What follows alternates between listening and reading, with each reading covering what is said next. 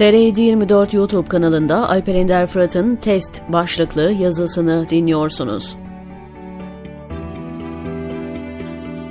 İçişleri Bakanı Süleyman Soylu'nun verdiği bilgilere göre 15 Temmuz'dan sonra cemaat soruşturmaları kapsamında tam 613 bin kişi hakkında işlem yapılmış, 136 binde operasyon gerçekleştirilmiş.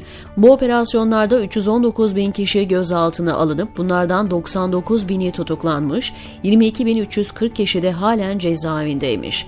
Bunlarla birlikte tam 25 bin kişi hakkında da yakalama kararı var.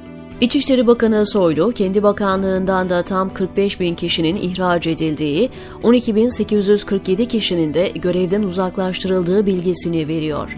Söyleyen için sadece birer istatistik olan bu bilgiler her bir kişi için tahammül sınırlarını zorlayan birer sınav, acılar ve zulüm demekti.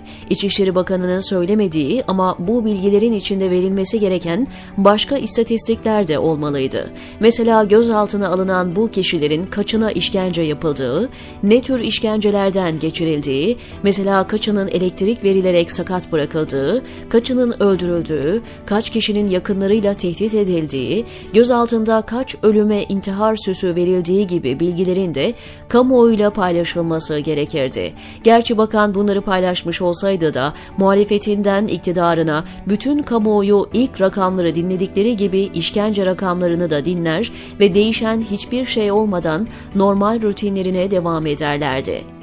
Meslekleri kardiyolog, veteriner, edebiyat öğretmeni, kimya profesörü, ziraat mühendisi, mimar, ev hanımı, öğrenci, lokantacı vesaire olan ve tutuklayanların bile kanunlarda yazan bir suçu işlemediklerinde hemfikir olduğu 319 bin insan gözaltına alınmış, 99 bini tutuklanmış ama bu zulme maruz kalanların hiçbir cebir, şiddet ve silahlı eylemine kimse tanık olmamış.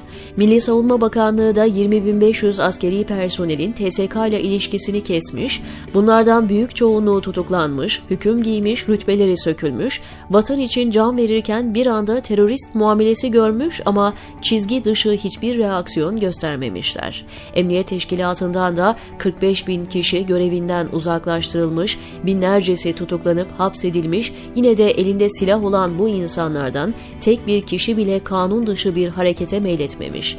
Düşünsenize hırsızlık yaparken yakaladıklarınız baba katili diye tutukladığınız insanlar el üstünde tutulurken siz terörist damgası yemişsiniz ve bütün bunları sineye çekip oturmuşsunuz.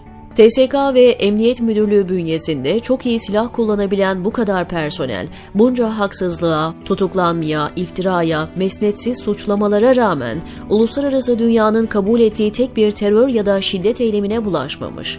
Bu askerler içinde sınır ötesi operasyondan döner dönmez tutuklanan, tahliye olunca tekrar göreve çağrılan, sonra tekrar tutuklanan belki binlerce asker var ama yine de tek bir taşkınlık, aşırılık, kanun dışılık yok. İktidar ve suç ortakları en hadsiz, en küstah, en fevri tavırlarla cemaate sempatizan diye kadınlara musallat olmuşlar. Loğusa kadınları zincirlemişler, bebekleri hapsetmişler, gencecik kız çocuklarının hayatlarını karartmışlar ama cemaat denilen yapı yine de şiddetle arasındaki mesafeyi hiç değiştirmemiş. Oysa dünyanın her coğrafyasında bu denli kitleselleşmiş herhangi bir grup, böyle bir siyasi baskıya işlemediği suçlardan dolayı cezalandırılmaya, yüz binlerce tutuklanmaya, mallara el konmaya, işsiz, aşsız, kimsesiz bırakılmaya bu denli sessiz kalamaz. İçinde çokça şiddet olan farklı çözüm yollarına başvururdu. Ama bunlar duruşlarını, davranışlarını hiç bozmamışlar. Eski Polis Akademisi öğretim üyesi Emre Uslu, dünya hangi Müslüman grup siyasal baskıyla karşılaştığında şiddete eğilim göstermeyecek bunu merak ediyor. İhvan test edildi, kaybetti. Cemaat şimdiye kadar test edilmemişti, şimdi test ediliyor diye yazdı. Buna benzer değerlendirmeleri farklı yerlerde de duymuştum. Merak ediyorum, dünya gerçekten hizmet hareketini test mi ediyor? Sahiden test ediyorsa bunca yaşananlardan sonra tam 8 yıldır uygulanan baskı ve zulme rağmen kanunsuz hiçbir şeye tevessül etmediğini, onun genetik kodlarının şiddete yönelmesine imkan vermediğini yeterince gözlemlemiştir sanıyorum.